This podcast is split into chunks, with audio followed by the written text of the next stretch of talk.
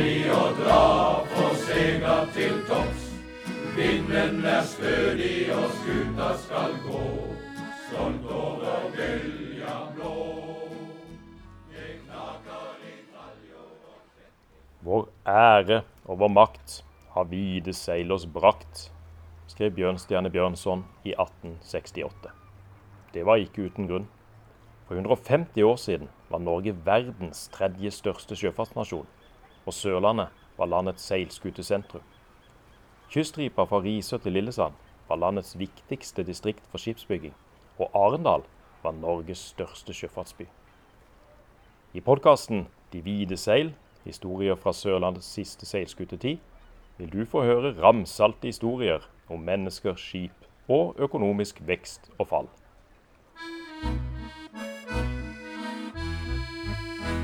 Nå er det plankar og props.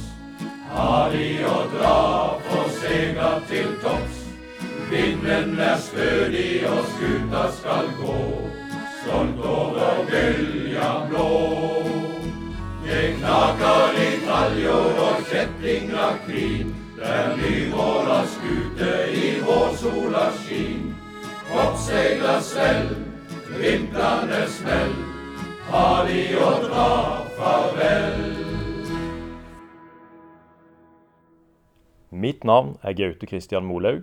Jeg er historiker og jobber som arkivar og formidler på Kuben i Arendal. På Kuben finnes hundrevis av arkiver knyttet til seilskutetiden, og i 2018 ble noen av dem innlemmet i Norges dokumentarv, et register over de viktigste dokumentene og arkivene i norsk historie. Seilskutearkivene inneholder tusenvis av historier, og i denne podkasten, De hvite seil, historier fra Sørlandets siste seilskutetid, vil du få høre flere av dem. Denne episoden skal hovedsakelig handle om skipsverftene og andre landbaserte næringer som var knyttet til seilskutene.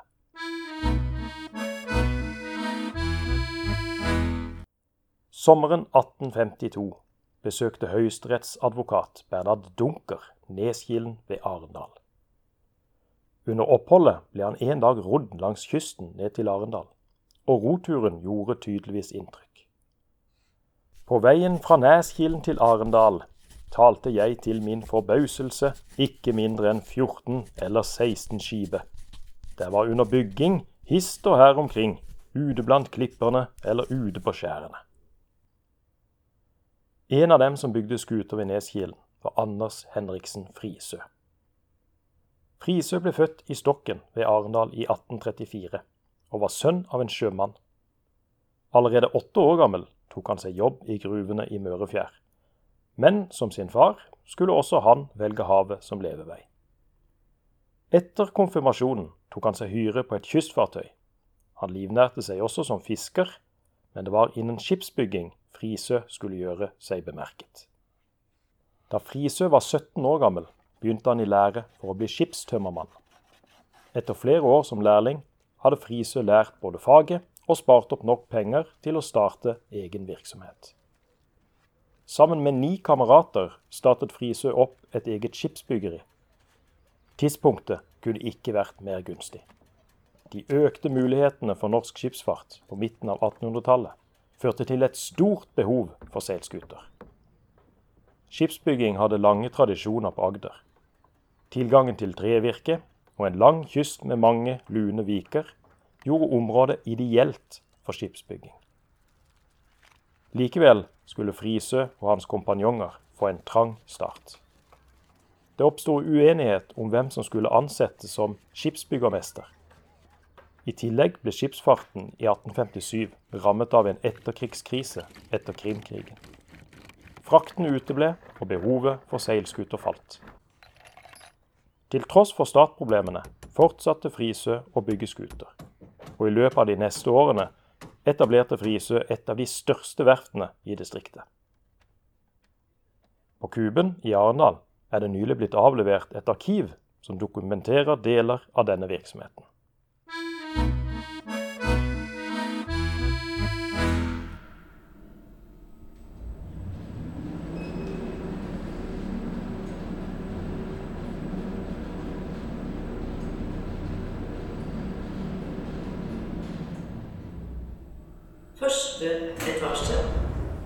Utgang.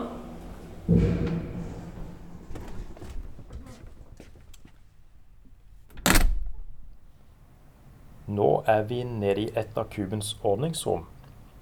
Og her kommer det jo stadig inn arkiver som ordnes før det går videre til et arkivmagasin.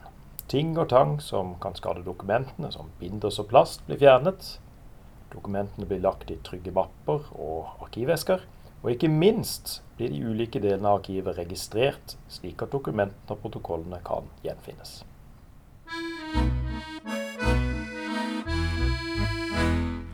Akkurat nå så står jeg sammen med arkivar Lise Råna. Og det som ligger på bordet foran oss, er arkivmateriale etter Frisø verft. Og her er det mye forskjellig. Og det første jeg legger merke til, det er den kassa med alle disse rullene. Og Lise, hva er disse rullene for noe? Ja, det er skipstegninger. Oi, Skutetegninger. skutetegninger du. Ja. Går det an å få se noen av ja, jeg kan ta opp en hånd, så vi kan rulle ut den. Og se hvilken skute vi finner her. Oi, se her. Mispa står det her. Mispa.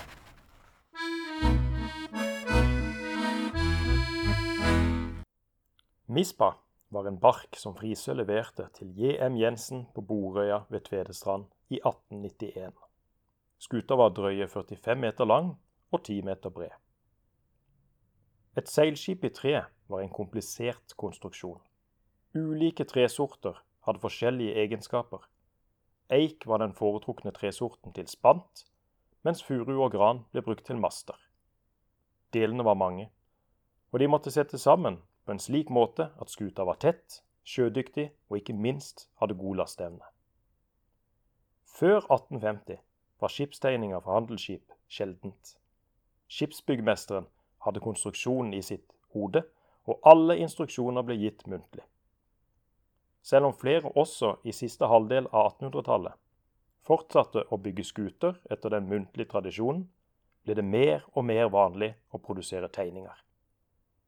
Tegningene gjorde det lettere å bygge flere skuter av samme type. I tillegg ble det etter hvert stilt krav om å kunne dokumentere konstruksjonen. Dette var viktig, ikke minst i forhold til klassifisering og forsikring. Mispa kom i 20 år til å seile rundt på verdenshavet, men i 1911 var det slutt. Under dramatiske omstendigheter grunnstøtte barken 29.10 ved Hangøy i Finland. Hele mannskapet på ni omkom.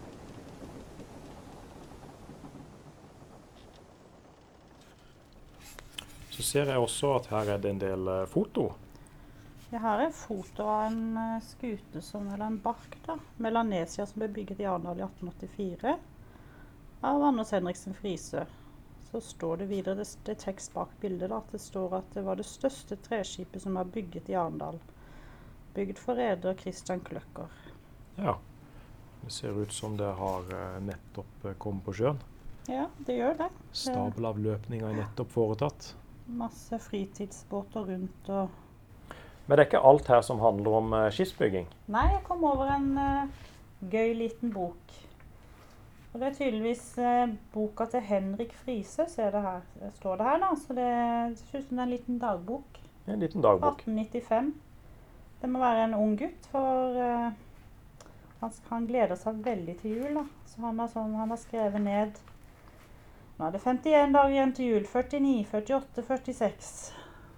En som gleder seg til jul. Veldig. Og så har han eh, Han har til og med skrevet en liste om hva han ønsker seg til jul. Oi.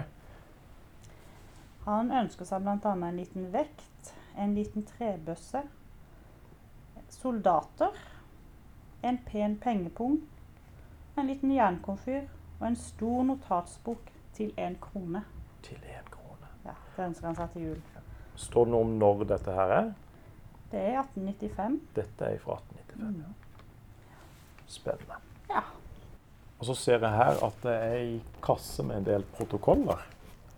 Og der har vi en protokoll hvor det står Det står vel bare A.H. Frisø på den. Ja, Når vi åpner den, så står det flere navn og en sum.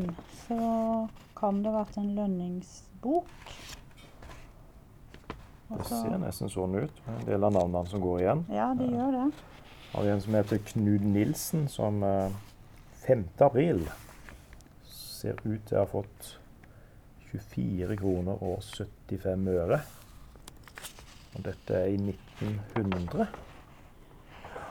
Så kan du kan følge han eh, i flere år. Mm. Ja, flere måneder. Dette her ser jo ut som ei liste i en eller annen slag. Ja, det, ser jo, det er jo en liste over skuter som man har, eh, som man har bygd. da. Ja, så her kan man lese Egden 1867 Brigg. Og Sibal 1870 Brigg. Så han bygde den for reder TH Omholt fra Ja. Arendal. Så Så er det bygd skuter for T. Thommessen og Smith. og Peder Olsen. og Herlofsen. Ja.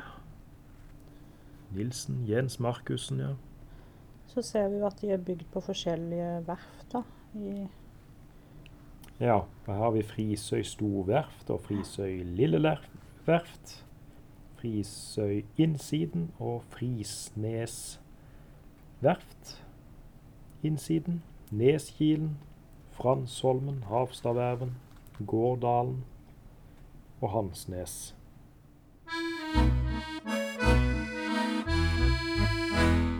Selv om det ble bygget mange skuter i Arendalsområdet i siste halvdel av 1800-tallet, var det et annet sted på sørlandskysten hvor veftene lå enda tettere. I Vikilen ved Grimstad lå det i samme periode over 20 verft.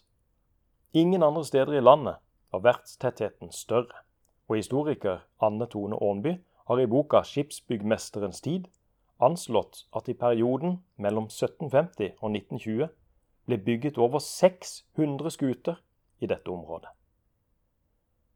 Verftene ga arbeid til flere hundre, men selve arbeidet kunne være slitsomt. Clemet Lofthus vokste opp på sørlandskysten i 1860- og 1870-årene, og i sin minnebok beskriver han arbeidet på verven. Sommerdag var arbeidstida, fra seks om morgenen til sju om kvelden. Med disse fristundene, halv ni til ni frokost, dauer, fra tolv til to middagskvil, fra halv fem til fem mellommat, kaffe, øktebete. Kjært barn har mange navn. Vinterdag, når det ikke var lyst før klokka åtte og mørkt klokka fem, ble frokost og mellommat sløyfa. Da bruker de gjerne først om morgenen og sist om kvelden å hale eller bære fram fra materialhaugene de emner de skulle bruke om dagen.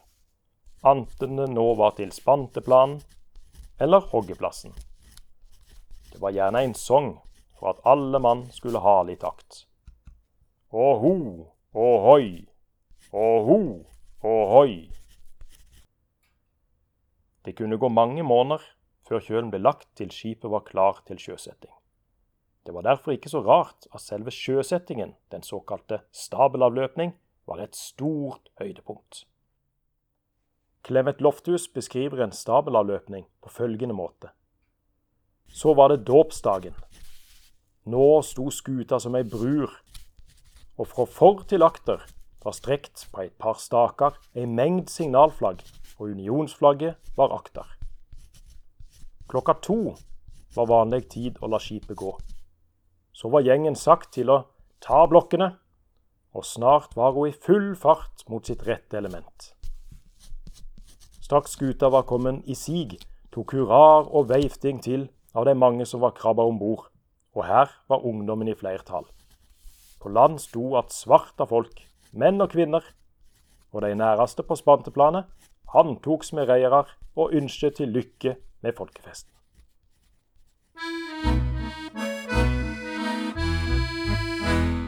Det var ikke kun på verftene det var gode tider. En av de maritime håndverksgruppene som fikk mer å gjøre, var seilmakerne, og en av disse var Knut Pedersen. Pedersen var opprinnelig fra Tromøy, men hadde slått seg ned i Kolbjørnsvik på Hisøy utenfor Arendal, der han drev sitt eget seilmakerverksted. I Pedersens regnskapsbok får en en oversikt over seilmakerens virksomhet. Ifølge Pedersens regnskaper var det først på midten av 1830-årene at ordrene strømmet inn. Den viktigste kunden var brødrene Anders og Hans Stedekam. Ett av skipene han utførte arbeider på, var Nidelven. I juli 1838 fikk seilmaker Pedersen i oppdrag fra brødrene Dedekam å sy en ny fokk, samt reparere flere av skipets seil. I november samme år var Nidelven igjen tilbake hos seilmakeren i Kolbjørnsvik med nye seiloppdrag. Regnskapsboken viser at det ikke bare var Nidelven som fikk nye seil i denne perioden. Også Dedegams skip Neptunus, Freden, Europa, Sørridderen, Aurora, Erstatningen og Patentia fikk utført seilarbeid hos seilmakeren i Kolbjørnsvik. Brødrene Dedekam drev ikke kun med skipsfart. De drev bl.a. et av Arendals største handelshus, der trelast var en svært viktig handelsvare. På begynnelsen av 1800-tallet sto brødrene for halvparten av det totale trelastuttak fra Arendalsvassdraget. Behovet for trevirke i internasjonal handel, og ikke minst i skipsbygging langs kysten, gjorde tømmeret til en lukrativ vare. Hadde en tilgang til skog, kunne tjene gode penger.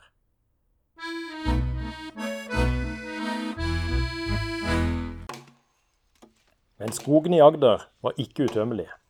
De gode tidene for trelasteksport og skipsbygging førte til at flere skogsområder ble uttynnet. Allerede i 1850-årene advarte amtmannen i Nedenes mot rovhogst, men i de gode tidene var det vanskelig å begrense skogbruket. Spesielt i 1870-årene begynte tilgangen på innlandstømmer å bli utfordrende. Utfordringene førte til at det i disse årene ble satt i gang flere planer på veibygging, kanaler, tømmerrenner og jernbane. Tiltak som skulle bedre transporten av tømmer ned til kysten. Men slike prosjekter kunne bli svært kostbare. I tillegg var de tidkrevende. For noen ble løsningen heller å importere tømmer fra utlandet. Flere redere i Arendalsområdet startet med import av skipstømmer fra USA. Et av rederiene var T. Thommessen og Sønn. I årene mellom 1876 og 1881 forsynte dette rederiet så godt som alle skipsbyggmesterne i Vikilen med såkalt pitch pine.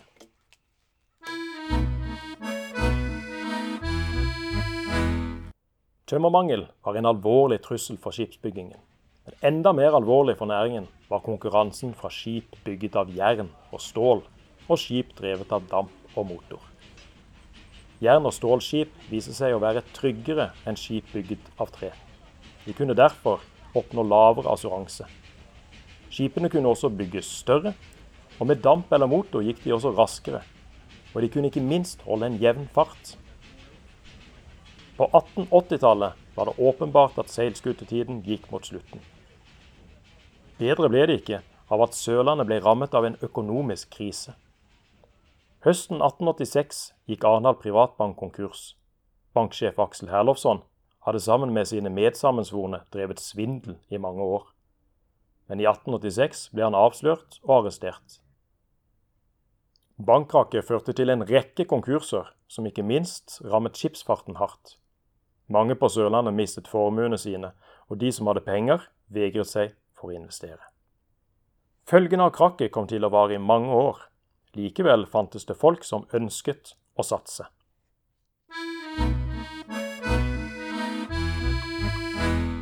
I Hasseldalen i Grimstad hadde Morten Smith-Petersen drevet verft siden 1848. Da han døde i 1872, ble verftet overtatt av sønnen Fredrik Smith-Petersen. Sønnen fortsatte der faren slapp, og flere seilskuter av tre forlot stabelen frem til 1889. Men da etterspørselen etter seilskuter av tre forsvant, gikk verftet over til å bli et rent reparasjons- og vedlikeholdsverft. På slutten av 1890-årene ble også Smith-Petersen overbevist om at fremtiden var jern, stål og damp, og han undersøkte muligheten for å etablere et dampskipsverft i Hasseldalen. I et område med lange tradisjoner for bygging av seilskuter i tre manglet det ikke på kritiske røster men i 1899 ble aksjeselskapet Hasseldalens Jernskipsbyggeri etablert. Flere av investorene var redere fra Arendal og Larvik, men noen lokale støttet opp om det nye verftet. Grimstad Håndverksforening kjøpte to aksjer pålydende 500 kroner, og Smith-Petersen selv gikk inn med 15 000 kroner og ble styreformann i det nye selskapet. Etableringen av Hasseldalens jernskipsbyggeri ble gjort på et gunstig tidspunkt. Fraktmarkedet var på bedringens vei etter dårlige tider på begynnelsen av 1890-årene. I tillegg var interessen for dampskip blant norske redere økende. I løpet av kort tid hadde verftet fått ordre om bygging av til sammen syv ståldampskip. De fleste ordrene kom fra redere i Bergen. Dette var ingen tilfeldighet, da Vestlandets hovedstad var landets foregangsby når det gjaldt overgang fra seil til dam. Fagmiljøet i Grimstad-området manglet imidlertid kunnskap om bygging av jernskuter. Derfor ble det hentet inn ingeniører og konsulenter fra andre steder i landet. Verftet i Hasseldalen bygget kun skipsskrog. Skipene måtte fullføres andre steder, og de fleste skipene ble ferdigstilt med kjele og maskin ved Bergens Mekaniske Verksted. Selv om verftet var avhengig av leveranser og tjenester utenfor Agder, ble virksomheten en av Grimstads største arbeidsplasser. På det meste arbeidet det 320 mann på verftet. Det første skipet som ble bygget ved Hasseldalens jernskipsbyggeri, var Botnia på 1154 bruttotonn. Skipet var ferdig i mai 1901. Men den lysende starten skulle snart få en brå slutt. Allerede i 1902 endret verdensmarkedet seg i en negativ retning. Etterspørselen etter skip sank, og verftet fikk ingen nye ordre. Sommeren 1903 måtte verftet innstille driften, og arbeidsstokken, som da hadde krympet til 70 mann, ble sagt opp. Det siste skipet som ble bygget ved verftet, var Hild på 1144 bruttotonn. Skipet ble bygget for skipsreder M.H. Gundersen fra Tvedestrand. I 1906 ble tomten og verftets bygninger solgt til båtfirmaet Jørgensen og Vik. Et firma som drev med produksjon av sjekter, gigger, prammer, lystbåter samt livbåter. Forsøkene i Hasseldalen på å tilpasse seg den nye tid strandet. Bedre gikk det ikke med verftene som tviholdt på seilskutene og det gamle håndverket.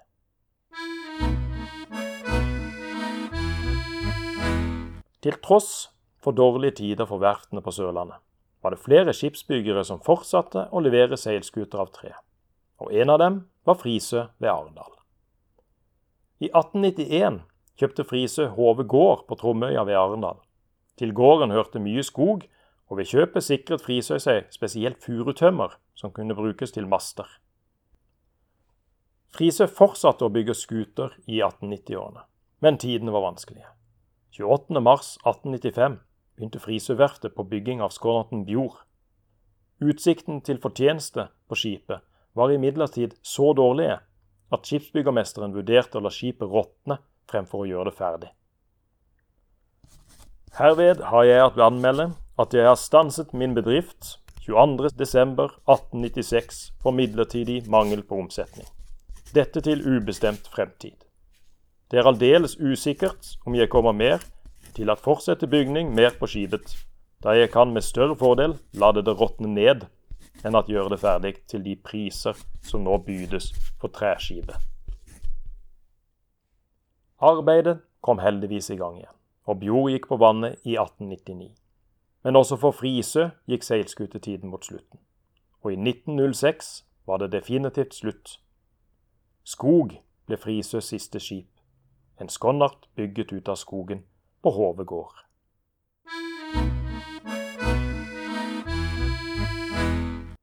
Du har nå hørt podkasten De hvite seil, historier fra Sørlandets siste seilskutetid. Podkasten er laget av Aust-Agder museum og arkiv, med økonomisk støtte fra Agder fylkeskommune. Produsent er Terje Ellefsen, og musikken fremført av sjømannskoret Hermanos. I neste episode vil du få høre mer om sjøfolkene og livet til sjøs. Hurra for Jonas Anton Hjelm. Sing-salio, hurra! For ham med ærer er en skjelm. Sing-salio, hurra! Hurra, hurra for sing-salio, hurra, hurra for sing-salio. Hurra, hurra for sing-salio, sing-salio, hurra! Hurra, hurra for sing-salio, sing-salio, hurra! Hurra for skuten med hans navn. Sing-sa-li-o, hurra, Hurra for sjø, hurra for havn. sing-sa-li-o, hurra. Hurra, hurra for sing-sa-li-o, hurra, hurra for sing-sa-li-o. Hurra, hurra for sing-sa-li-o, sing-sa-li-o, hurra.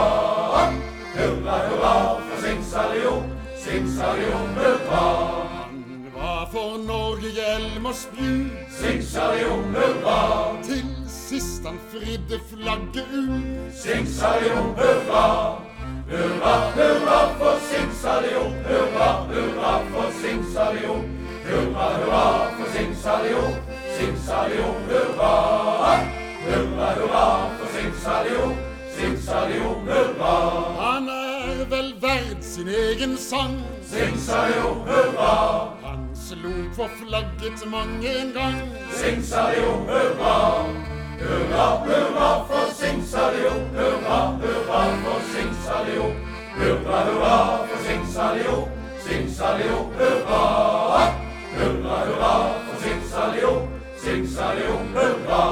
Han er vel verd sin æreskål. Sing-sa-li-o, hurra, Hans tale var som ild og stål. sing-sa-li-o, hurra. Hurra, hurra for sing-sa-li-o, hurra, hurra for sing-sa-li-o. Hurra, hurra for sing-sa-li-o, sing-sa-li-o, hurra. Hurra, hurra for sing-sa-li-o, sing-sa-li-o, hurra. Men havde Jonas og Anton tipp, Sing-sa-li-o, hurra, var flagget ennå ei befridd. sing-sa-li-o, hurra. Hurra, hurra for sing-sa-li-o, hurra, hurra for sing-sa-li-o. Hurra, hurra for sing-sa-li-o, sing-sa-li-o, hurra. Hurra, hurra for sing-sa-li-o, sing-sa-li-o, hurra. Nu kan vi seile hvor vi vil. Sing-sa-li-o, hurra, Levanten fra, levanten til. sing-sa-li-o, hurra. Hurra, hurra for sing-sa-li-o, hurra, hurra for sing-sa-li-o. Hurra, hurra for sing-sa-li-o, sing-sa-li-o, hurra. Hurra, hurra for sing-sa-li-o, sing-sa-li-o, hurra. Nu kan vi seile uten skam. Sing-sa-li-o, hurra, Men aldri skal vi glemme ham. sing-sa-li-o, hurra. Hurra, hurra for Singsalion, hurra, hurra for Singsalion, hurra, hurra for Singsalion, Singsalion, hurra. Hurra, hurra for Singsalion, Singsalion, hurra.